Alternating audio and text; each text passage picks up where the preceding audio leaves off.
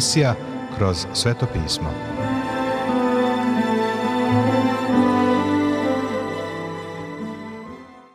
Dobroveče, poštovani slušaoci i dobrodošli u još jednu emisiju programa Kroz sveto pismo, programa koji je za vas napisao Vernon McGee, a pročitao Branko Bjelajac. Želimo vam prijetno i blagoslovljeno slušanje.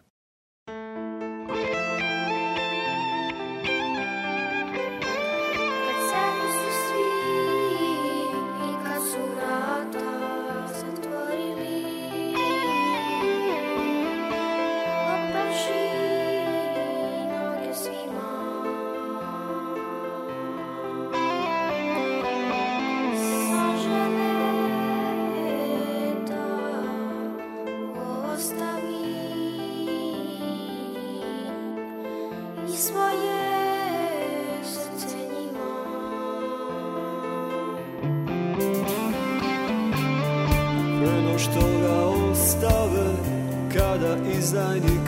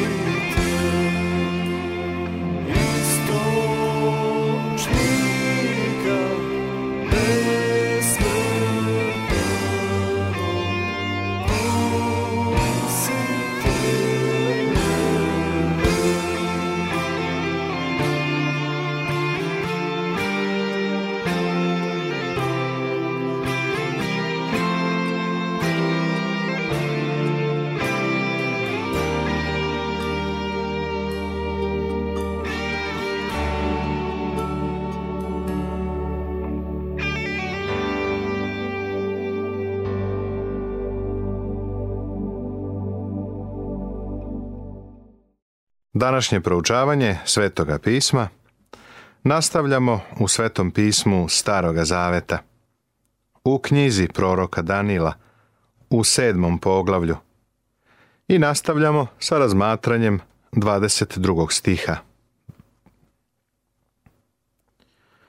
Dokle dođe starac i dade se sud svecima višnjeg i prispe vreme da sveci preuzmu carstvo – Starac je Hristos. On je onaj koji će oboriti Antihrista. Sveci Ovde se ponovo ne govori o novozavetnim svecima, nego o starozavetnim. Neka Biblija sama govori ono što hoće. Ne trudi se da je uklopiš u svoje doktrinarne slagalice. Ovako reče – Četvrta zver bit će četvrto carstvo na zemlji, koje će se razlikovati od svih carstava i izješće svu zemlju i pogaziti i satrti. Ovde se četvrta zver identifikuje kao carstvo, a u stihu 17. kao car. Nemoguće je razdvojiti cara od carstva – oni pripadaju jedno drugom kao dve strane vrata. I deset rogova jesu deset careva, koji će nastati iz tog carstva, a posle njih nastaće drugi, i on će se razlikovati od pređašnjih i pokorit će tri cara. Iz četvrte zveri je izniklo deset rogova, i oni označavaju krajnji oblik četvrtog carstva. Svaki od ovih careva predstavlja carstvo. Jedanaesti car, mali rog će se pojaviti. On će se razlikovati od ostalih i preuzet će vlast tako što će pokoriti tri cara. Postaće diktator celog sveta. To je slika koju nalazimo u otkrivenju u 13. poglavlju u 7. stihu. I dade joj se da zarati na svete i da ih pobedi. I dada joj se vlast nad svakim plemenom i narodom i jezikom i narodnošću. On je čovek greha, antihrist. I on će vladati svetom tokom velike nevolje odnosno tokom sedam godina. I govorit će reči na višnjeg, i potiraće svece višnjeg, i pomišljaće da promeni vremena i zakone, i daće mu se u ruke za vreme i za vremena i za povremena. Mali rog je hulnik. I dadoše joj se usta koja govore velike reči i hule. I dada joj se vlast, da tako radi četrdeset i dva meseca. I otvori svoja usta da huli na Boga, da pohuli na njegovo ime i na njegov šator, na one koji imaju svoj šator na nebu, kaže otkrivenje Jovanovo 13. poglavlje, 5. i 6. stih. Jedna od karakteristika Antihrista jeste to što je on protiv Boga i protiv Hrista. To je i jedno od značenja termina Antihrist. Drugo značenje jeste imitiranje Hrista. Verujem da dve zveri iz otkrivenja 13. poglavlja predstavljaju dva aspekta Antihrista. Prvi – da je on hulnik i protiv Hrista i drugi, da je on lažni prorok i da pokušava da imitira Hrista. Iako se ponaša kao jagnje, on je vuk u koži ovce. Također piše da će potirati svece višnjeg. Ovo znači da će ih napadati i progoniti vidi otkrivenje Jovanovo 12. poglavlje od 13. do 17. stiha. I pomišljaće da promeni vremena i zakone. Mali rog će menjati običaje i zakone. Vreme vladavine malog roga je kratko i daće mu se u ruke za vreme i za vremena i za povremena. Vreme je jedna godina. Vremena su dve godine, a povremena je pola godine, što ukupno daje tri i po godine. On će zemljom vladati tokom posljednje tri i po godine, velike nevolje. Vidio ovome otkrivenje Jovanovo 11. poglavlje, drugi i treći stih, 12. poglavlje, šesti stih i 13. poglavlje, peti stih. Potom će sesti sud i uzet će mu se vlast, te će se istrebiti i zatrti sa svim. Potom će sesti sud ovo nas podsjeća na prizor u nebu. U otkrivenju u četvrtom i u petom poglavlju, gde je opisan tron. Onaj ko sedi na prestolu, jagnje koje sprovodi sud u saglasnosti sa svim Božijim razumnim stvorenjima na nebu, odlučili su da zver mora biti oborena. Njegova vladavina mora da se okonča, i njemu se mora suditi. Potom će sesti sud. Ovo se ne može promeniti. Ovaj sud se produžava sve kroz veliku nevolju i završava se Hristovim povratkom na zemlju, kada će On uspostaviti svoje carstvo. Vidio tome otkrivenje Jovanovo 19. poglavlje od 11 do 21. stiha.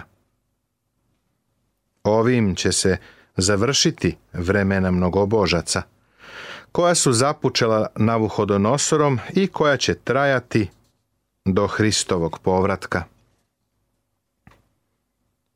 A carstvo i vlast i veličanstvo carsko pod svim nebom daće se narodu svetaca višnjeg – njegovo će carstvo biti večno carstvo i sve će vlasti njemu služiti i slušati ga. Ovo se odnosi na večno carstvo, koje se prvi put pojavljuje u svom milenijalnom aspektu.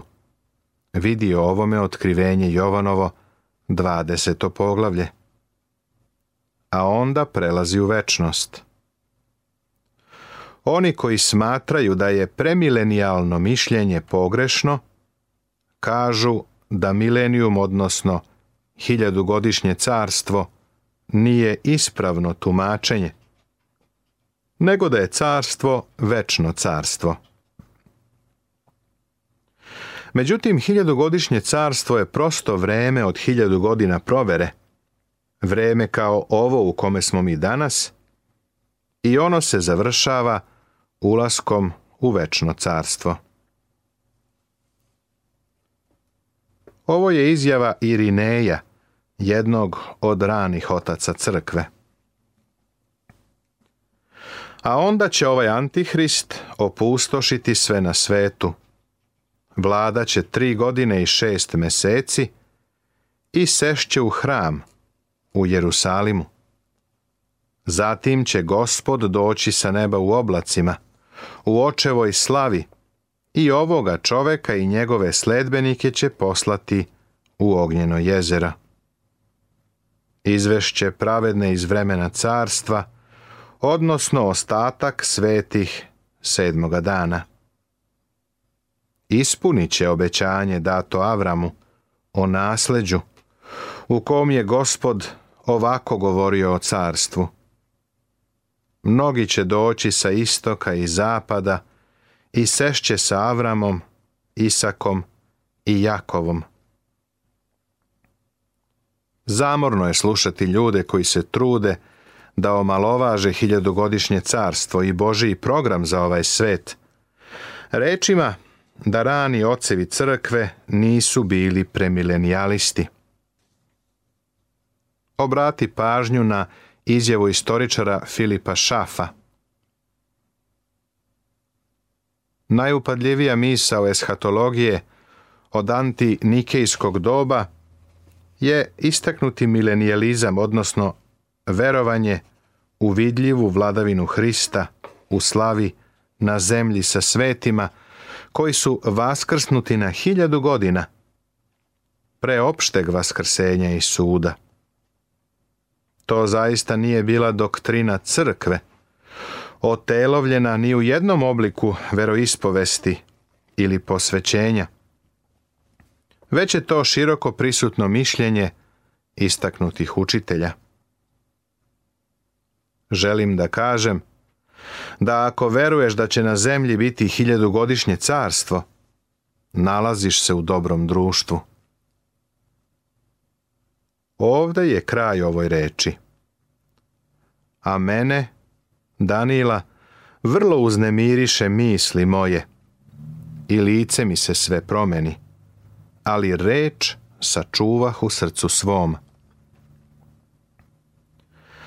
Danilo nije otkrio ove vizije i njihov sadržaj svojim savremenicima, jer se one odnose na kraj vremena one su uznemiravale Danila. I na njega su ostavile tako snažan utisak da se promenio i njegov spoljašnji izgled. Ovo je za njega bilo nešto sasvim novo.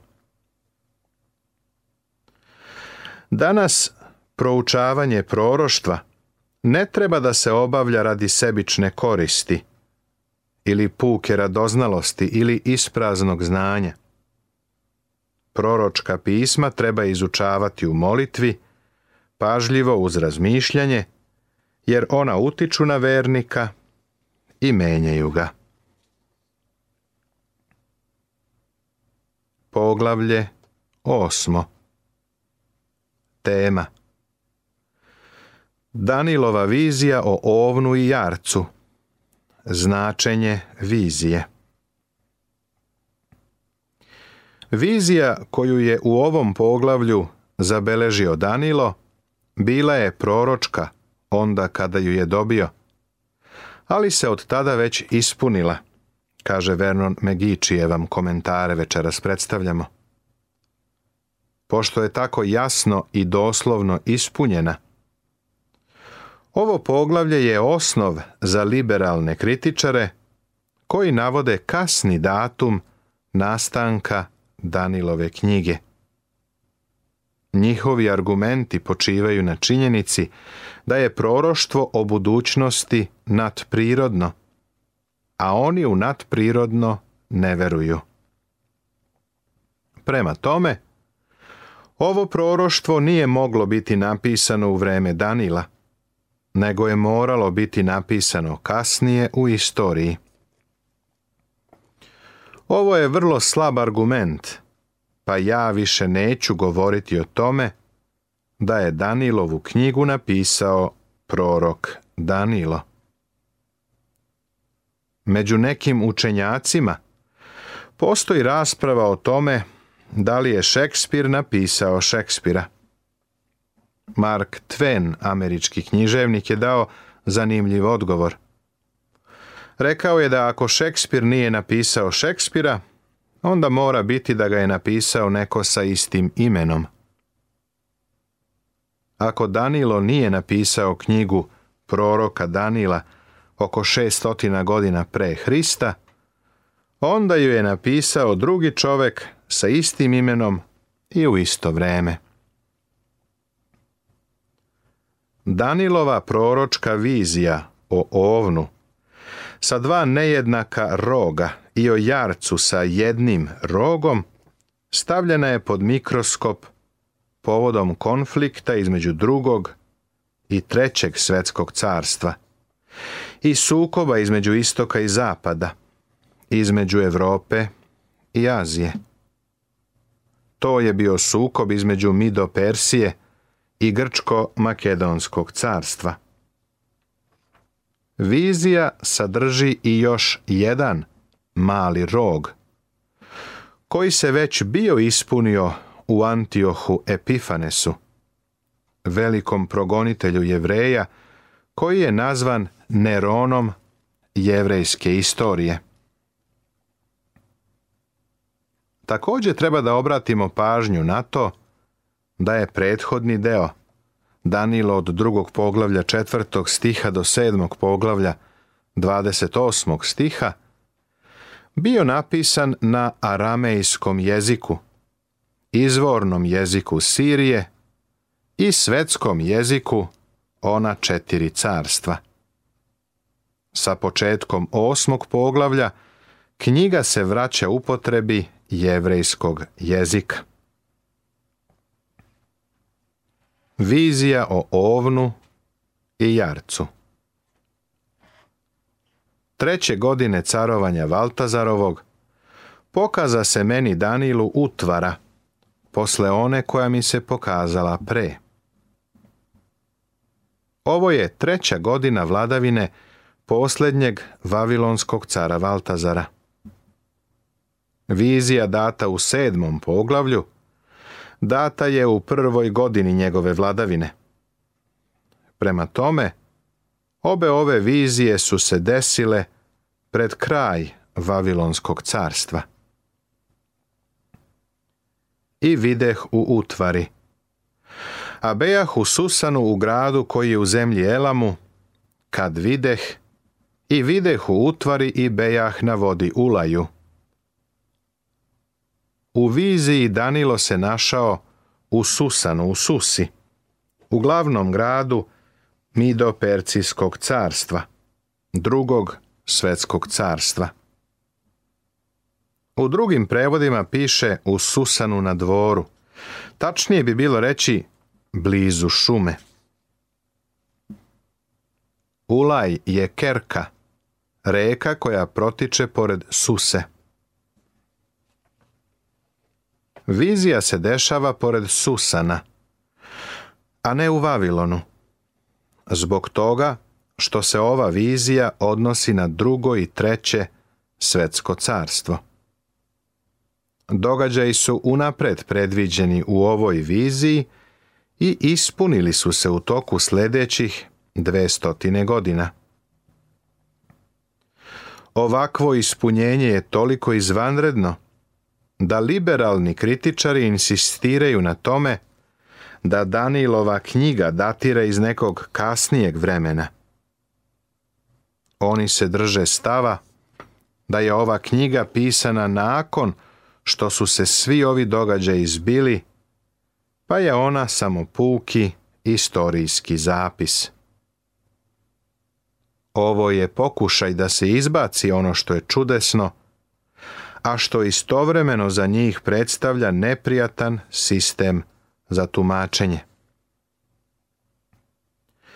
I podigo hoči svoje i videh, i gle, stajaše kraj vode ovan, koji imaše dva roga, a rogovi behu visoki, ali jedan viši od drugog, i viši naraste posle. Ovan koji imaše dva roga, ovo će se kasnije prepoznati kao Midijsko-Persijsko carstvo. Vidi stih 20. I viši naraste posle. Drugim rečima, ovaj rog predstavlja Midiju, koja je nastala kada je Gobrijas, midijanski general, razorio Vavilon. Posle toga su persijski monarsi zadobili dominaciju nad Midijom i veliko carstvo doveli do vrhunca. Ovaj je jarac, znači sa svoja dva roga, a jednim rogom koji je veći od drugoga, jeste Midijsko Persijsko carstvo ili Midopersijsko carstvo, u kome je Persija u usponu i nadmoći. Videh ovna, gde bode na zapad i na sever i na jug. I nijedna zver ne mogaše mu odoleti i ne beše nikoga ko bi izbavio od njega, nego činiše šta hoćaše i osili. Videh ovna gde bode na zapad i na sever i na jug. Zašto ne kaže i na istok? Persija je bila na istoku i dalje na daleki istok nije napredovala. Da su krenuli dalje u tom pravcu, zakoračili bi na Orijent, u Indiju i Kinu. Međutim, svoje carstvo su širili u svim drugim pravcima.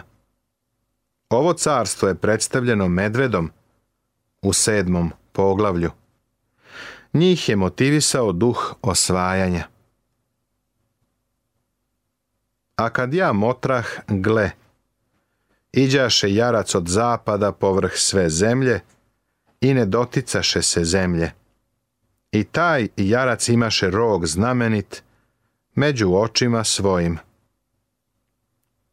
Dok se Danilo čudio sili i sposobnosti ovna, sa zapada je došao jarac u velikom pohodu i sa jednim istaknutim rogom.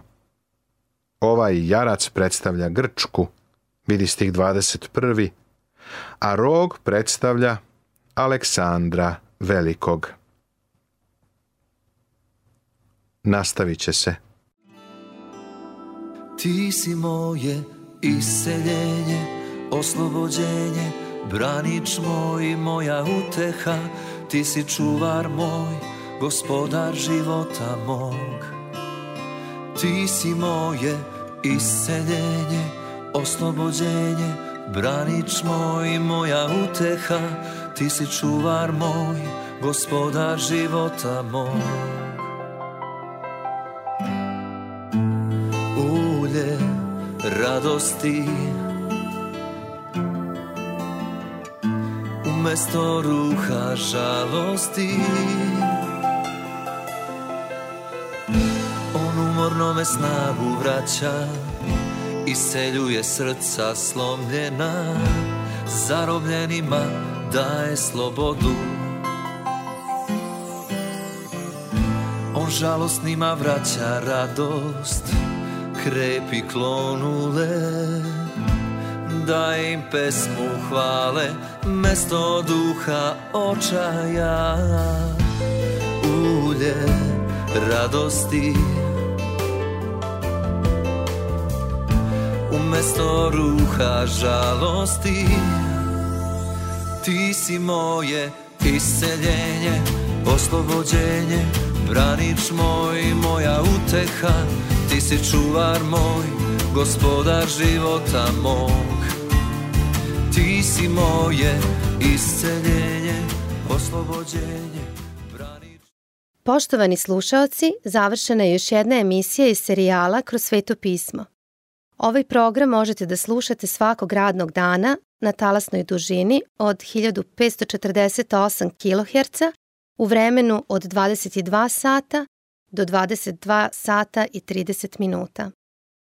Ukoliko želite da nam se javite, da nas pohvalite ili pokudite, da nam predložite izmene kojima bismo mogli da poboljšamo naš program, ali i da vas nagradimo kakvom dobrom hrišćanskom knjigom, Novim Zavetom ili celom Biblijom, na raspolaganju su vam telefon, elektronska pošta ili obična pošta.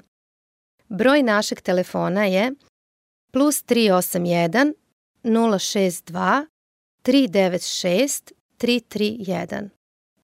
Adresa redakcije glasi Poruke, Poštanski fah 37 11060 Beograd.